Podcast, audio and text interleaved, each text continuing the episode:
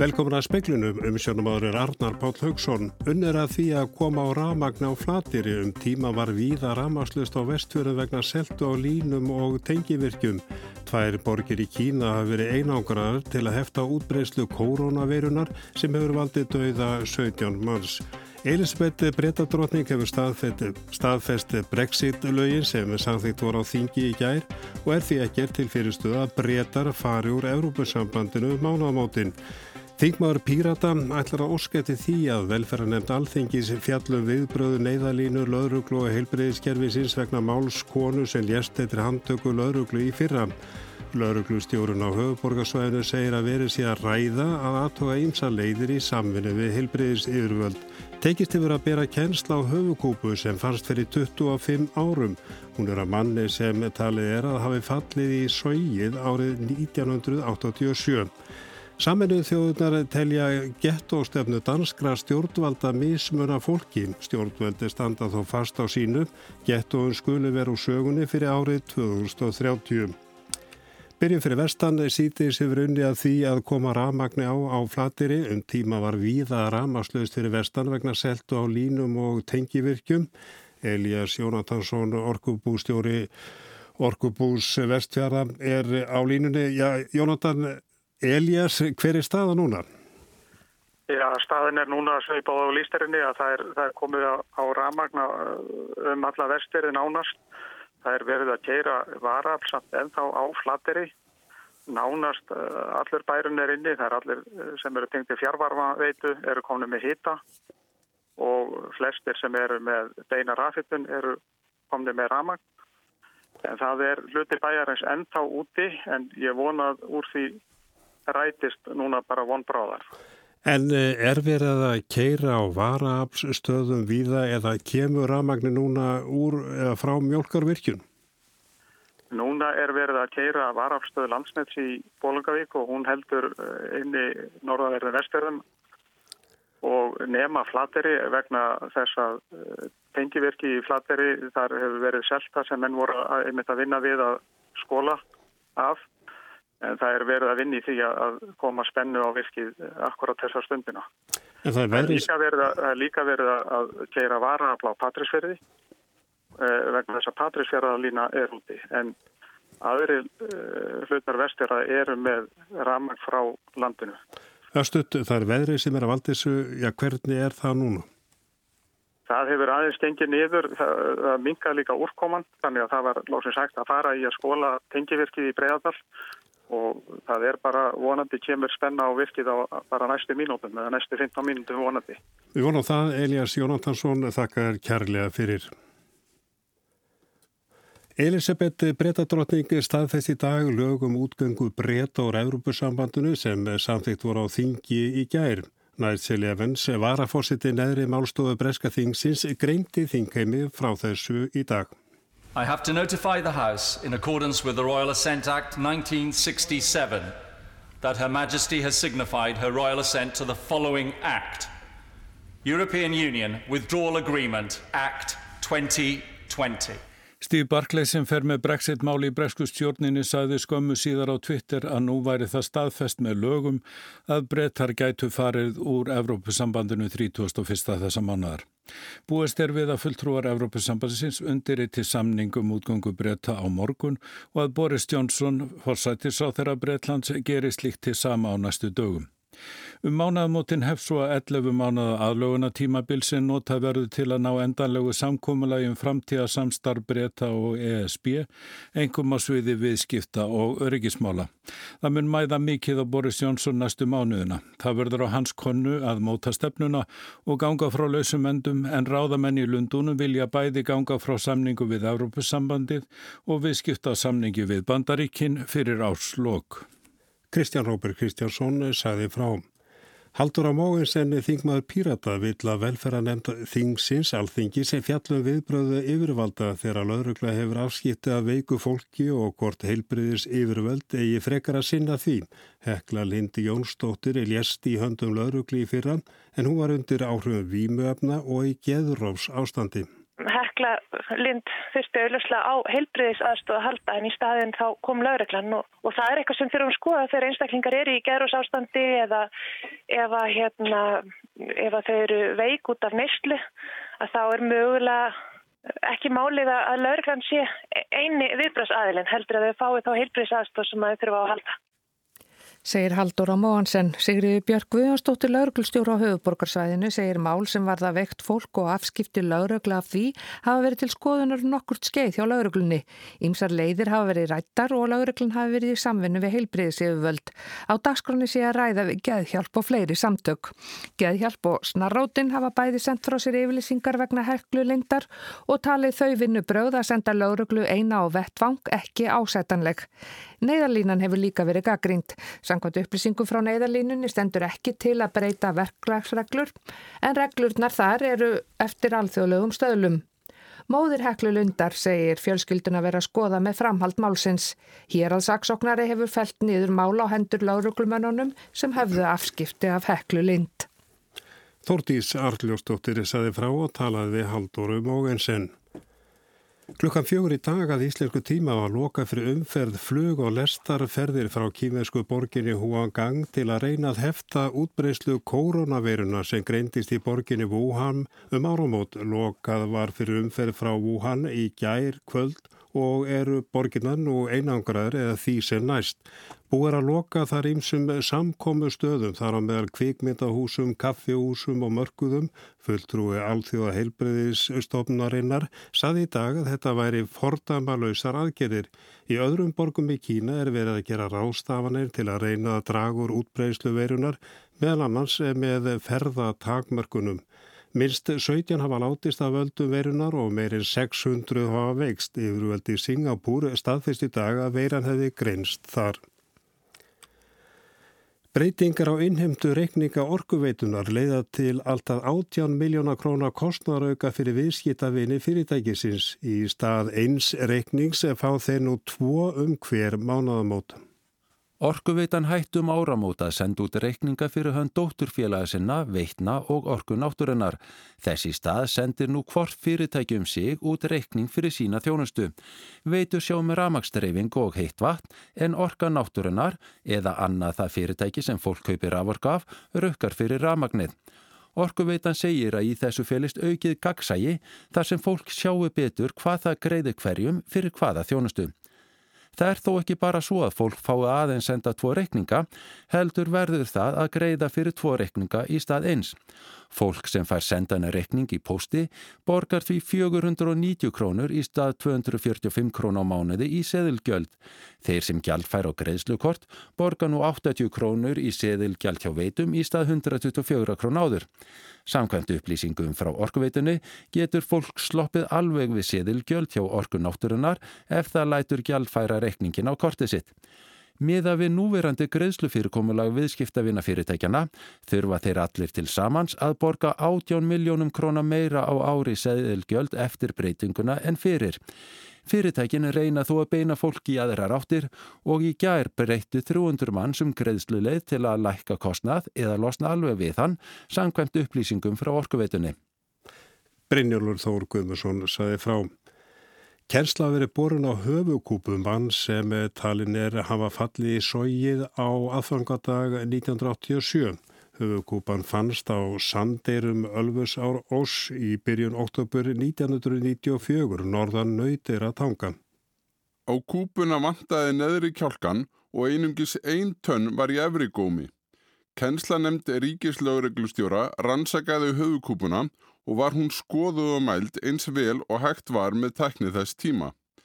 Ekki tókst að komast að niðurstu um það hverjum höfukúpan tilherði og var hún því sett í geimslu. Í lok mars á síðast ári var ákveðið að reyna á ný og var tekið síni úr kúpunni til aldursgreiningar. Niðurstaða þeirra rannsóknar barst í haust og í ljós kom að beinin voru að líkindum frá árunum um og eftir 1970. Þá var þess freistað að ná nótæfu DNA síni úr kúpunni og var það sendt á rannsóknarstofu í Svíþjóð til greiningar. Niðurstaða úr þeirri greiningu barst svo í januar og þá komi ljós að um var að ræða höfukúpu Jóns Ólafssonar sem er talin hafa fallið í sógið á aðfangadag 1987, 47 ára að aldri.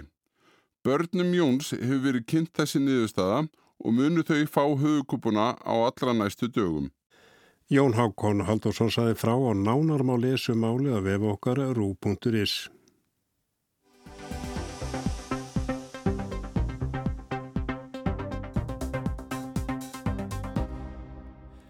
Forstjóri Rarik segir að umfanga ramarsleisisins í óveðrunni í desember hafi verið með því mesta sem orði hefur hér á landi. Forstjóri Landsneðs segir að ef hítastíð hefði verið örliti herra, sé líklegt að ástandi hefði geta orði enn verra og að heilu landslutarnir hefðu orðið hugsanlega ramarsleisir. Það er vartægt að segja að veðrunu hafi slota frá því að óveðri mikla gekki við landið í byrjun desember. Þegar þetta er skrifað eru nær allir vestfyrðir án ramags og spáin er ekki góð. Á fundi í morgun sem Samorka emdi til á degi ramagsins var litið um auksl ljósi varpa á það sem gerðist í óveðrunu og hvernig þetta bregðast við. Það er að bresta á norðan ofsaveður jafnvel fárviðri með mikillir snjókomi á norðvestanverðurlandinu. Ílviðrið stefni síðar í dag suður um vestanverðlandið og austur um norðurland brotti í hátíðisfréttum 10. desember. Hátti 60 möstur yfir 100 stöyrar og um 50 þversláru brotnuði í raforkuflutningskerfi landsnets. Stafsmenn Rariks á Norðurlandi stóði í ströngu vegna skemta á dreifikerfi sem olli vítæku ramarsleysi. 140 stöyrar brotnuðum. Það kann að hljóma lítið í óveðri sem gekki við landi í óttobur 1995 kuppuðust í sundur 330 stöyrar með tilherandi ramasleysi. 1991 brotnuði í óveðri sem þá geysaði 616 stöyrar. En þetta segir ekki alla söguna. Nú er til dæmis um 65% af dreifikerfi Raregs komið í jörð.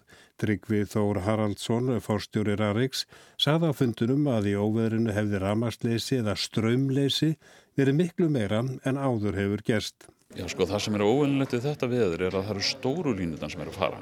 Og hérna, við erum komið með 65% á okkar kerjujörg sem þýðir að, að, hérna, að við bara þóttumst vita það að það myndi bila minna en veðrið leit illa út. Okkur leist þannig á að það myndi bila einhverja línur. Það eru ákveðna línur sem eru, eru á svæðum sem er bara veður hamur verður meiri heldur en almennt En það sem gerist núna er að það bila þessar stóru línu sem ekki hafa bila áður. Dalvíkulína, rosalega sterk lína, hún bilar og það kemur okkur aldrei óvart. Hrútatungan og, og þessi svakalega selta þar að það skulle báðar tengingarna fara út og allt svæði fara, kemur okkur líka óvart. Það er mikið strömleysi, ekki kannski mikið tjónaður leiti heldur en, heldur en hjá bara í viðskiptöðinu. Það sé ekki á kerfinu sjálfu en það þurfti að, að reynsa það. Og síðan fer í kringur Laxá, það er Húsavíkulínan og það er, er Laxálínan og það er sko línan hérna norður á Gópaskir eða vestur á Gópaskir frá Laxá. Þetta er bara svo umfáns mikið sko Gópaskirslínan er úti í nýju sólaringa e, Dalvíkulínan í einhverja þrjá fyrir sólaringa það testa að koma rafmagni á og sömulegis á norðusturhóttunum testa að koma rafmagni á það vegna þess að við erum með varavílar en þetta er gríðarlega mikið um, umfáns mikið og það segir okkur það að þetta veður var allavega eitthvað óvenilegt það var meira heldur en eða ég tel að það hafi verið meira en 95 og, og kannski 91 líka vegna þess að þá stóðu þessa stóru línu en, en auðvitað fer þetta pínlítið eftir hittasteginu hvað þetta lendir, þetta lendir daldi neðarlega núna niður við sjáamál eh, en, en hérna, þessar stóru línur hafa bara staðið Afleiðingarnar af veðrunu voru miklar en þær hefðu geta orðið verri. Guðmundur Ingi Ásmundsson, fórstur í landsnets, sagði að ef til dæmis hittastig hefðu verið einni gráðu herra hefðu afleiðingarnar orðið miklu meiri. Heilu landslutarnir hefðu geta orðið rammarslöysir. Þá hefði orðið meiri ísing sem hefði verið stóru línunum ofiða. Já þetta var alveg réttið, mjög slemt veður og, og það fór illa og stöðin sem áttum ekkert endilega vona að færi svona illa eins og Dalvíkulínunni. En ef að hittastegi hefði verið örlítið herra að þá hefði ísingaveðrið farið ofar í fjöllin og, og þar liggja jú stærri línutnar meðal hann að spegðalínurringurinn og svo ofsa ísing sem var á köplum og hún hefði öllum líkindum felt hana og það var aldrei nálagt vegna þess að við eigafjaraðáruna þar sem beðalínu ringunum likur á lálendi þar var gríðarlega ísing og, og við þurftum í raun þegar slotaði að taka lín út og lemja ísin af. Uh, á tíma þá var þetta eina fæðingin inn til Eyjafjörðar og Skagafjörðar og hefði súlína farið þá hefði ennstæra landsvæði verið strömljöst. Hvað erum við að tala um þá? Þá erum við að tala um að heilu landslutanir hefðu bara verið án ramags. Já, þá erum við að tala um það að heilu landslutanir hefðu verið án ramags og uh, umpangi meira. Uh, í þessu tilviki með byggðalínuna höfum við þó ringtengingar og í óveðrinu var ringtengingin rofin en ekki skemdir þannig að kannski hefði verið heppin ef að hinfæðingin hefði verið í lægi svona þegar slotaðu og bara nægt að bæta, læmja ísina af en það er bara alls ekkert á vísin að róa með það. Á fundunum í morgun var reynd að draga lærdom af því sem gerðist og hvað nöysilegt sé að gera til að draga úr glundrónum sem varð áðarlega vegna ramasleysis. Rarek hefur ákveð að auka fjárveitingar í að leggja fleiri línur í jörð. Kerfi Rariks eða línur eru samtalsum 9000 kílometrar. Og bara svona til að setja það í eitthvað samingi að það var það, sko, ef það væri einni línu, þá næði svo lína frá Reykjavík og, og, og daldi lengra heldur enn til Japan og það tæki þóttu ykkur að 10-12 tíma að fljúa eftir henni. Þannig að þetta er náttúrulega gríðarlega mikið kerfi og það tekur tíma að endun í það. Þetta var Tryggvi Haraldsson starfsópur sem stjórnvöld sett á lakirnar um úrbætur á innviðum ætlar að skila niðurstöðum og tillögum í lók februar. Benedikt Árnason, skrifstofustjóri í forsætis erðanreitunum, segir að spurningi sé við hvaða öryggi við ætlum að búa. Við munum í starfsónum geta sko lagt fram tillögu um það hvað verður þá ásættalegt róf í helstu kerfum. Við vitum það að í hardbílu landi, þar sem að munu koma óvöður með reglulegu millibili, að þá getum við ekki tryggt allt af fullkomið afhendingar öryggi, hvorki ramags eh, nýja í, í, í fjarskiptum.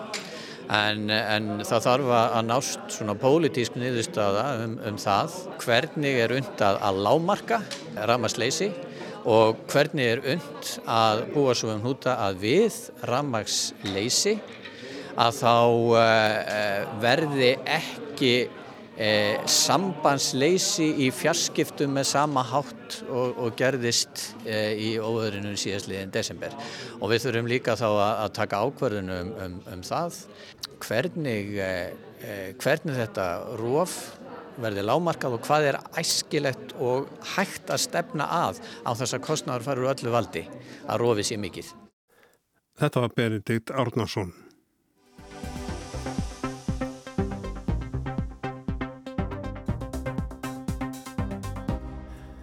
Stefna danskra stjórnvalda er skýri, gettóin skulu burt og það fyrir árið 2030. 11.000 íbúar í svo kallu gettóum þurfa að flytja í önnur hverfi.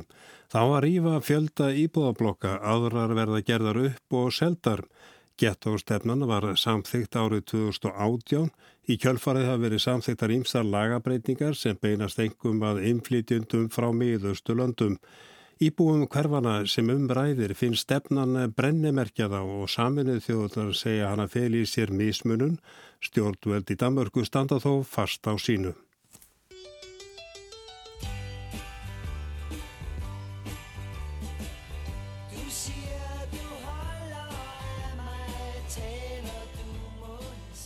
Fyrir 40 árum var Danmörk einsleitt samfélag innan við 1% íbúa kom frá ríkjum sem ekki teljast vestræn.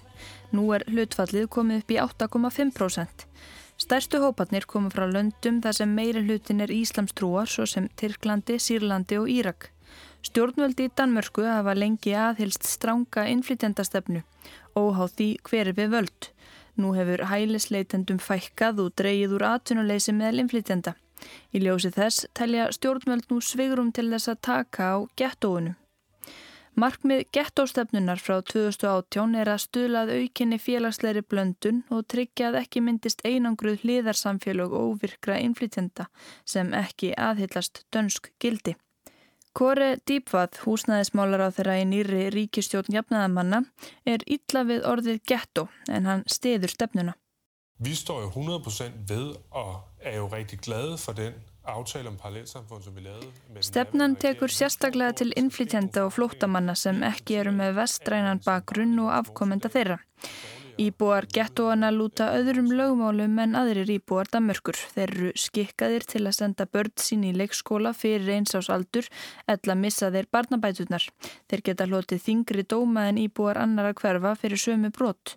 Flótamenn missa aðlugunarbætur ef þeir flytja í hverfi sem yfirvöld hafa skilgreynd sem gettó og þeir sem búa í gettóunum get ekki sótt um fjölskyldusammenningu.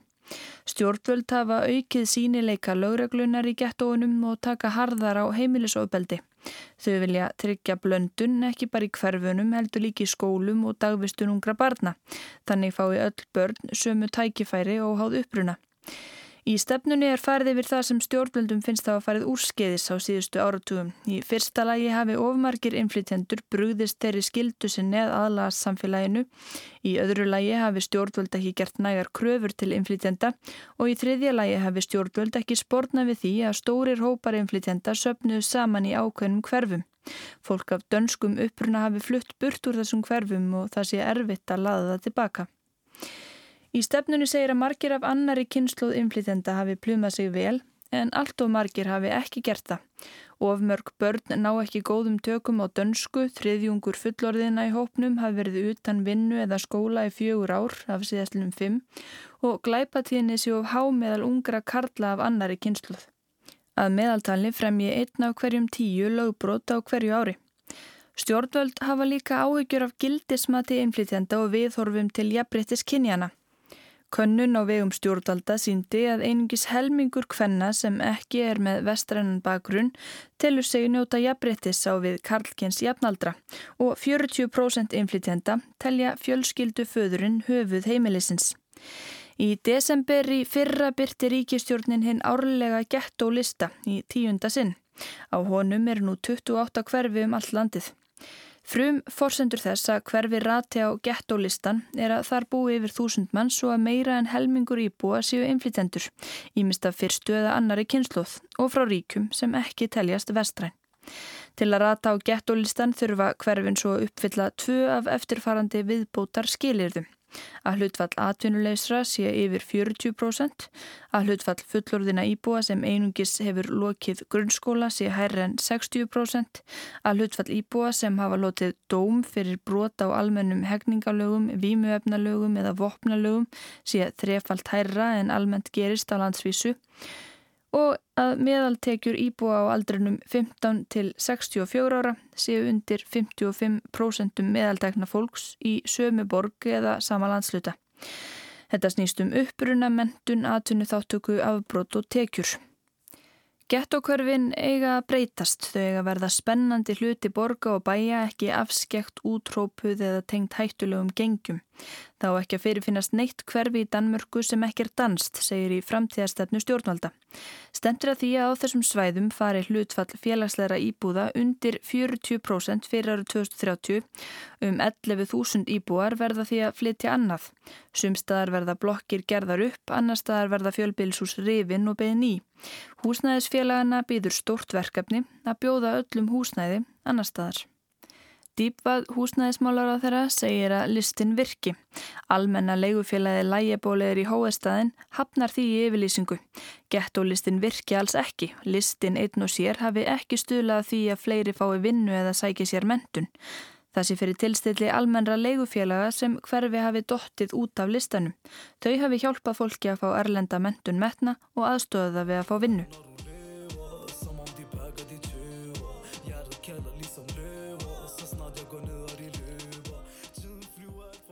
Amina, Eden, Javahír og Leila sitja í ungmennaráði Tingbjergkverfis í Kaupmannahöfn. Það er eitt hverfana á gettulistanum.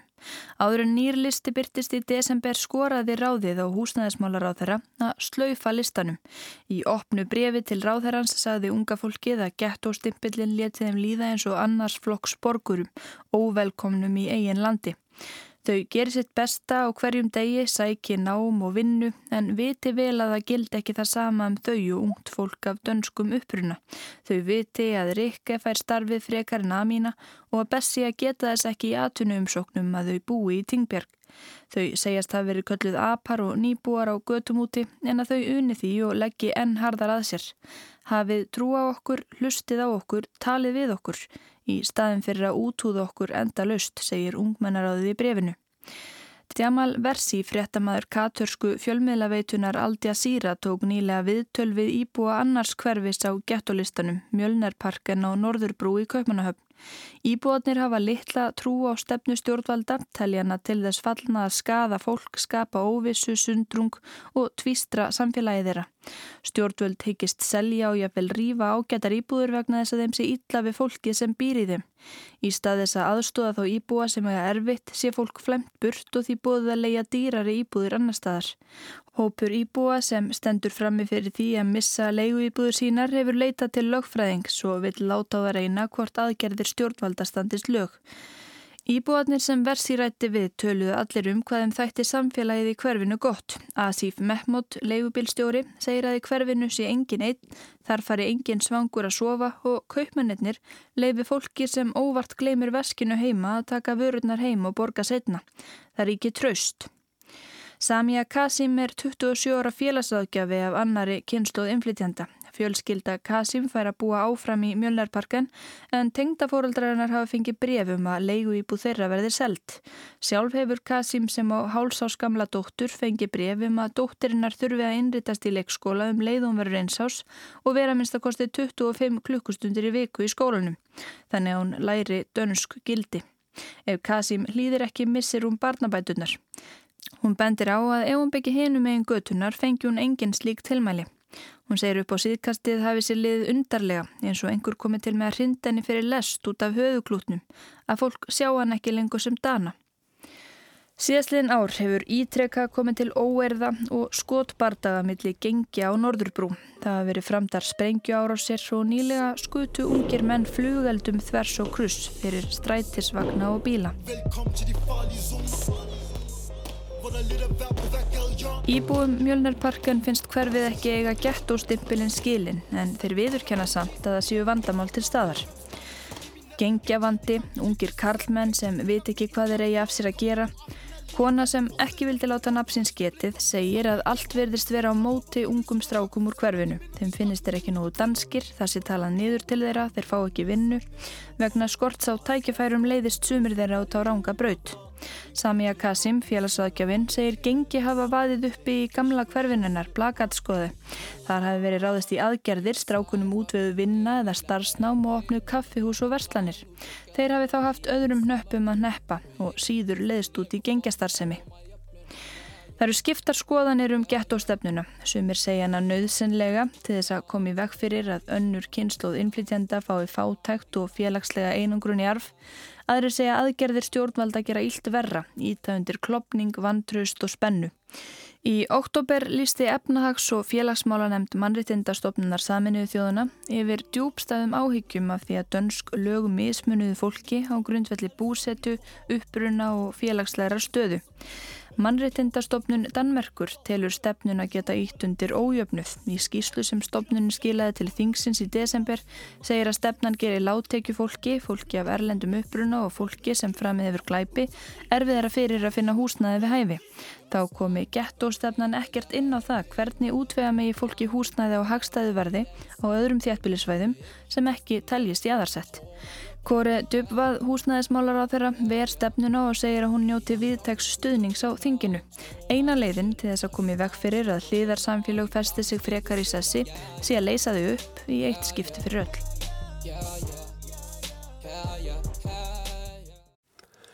Arnildur Haldunardóttir saði frá og í speiklinum, speiklinum byrjuði á því að segja frá ástundinu á ramagninu og vestfjörðum.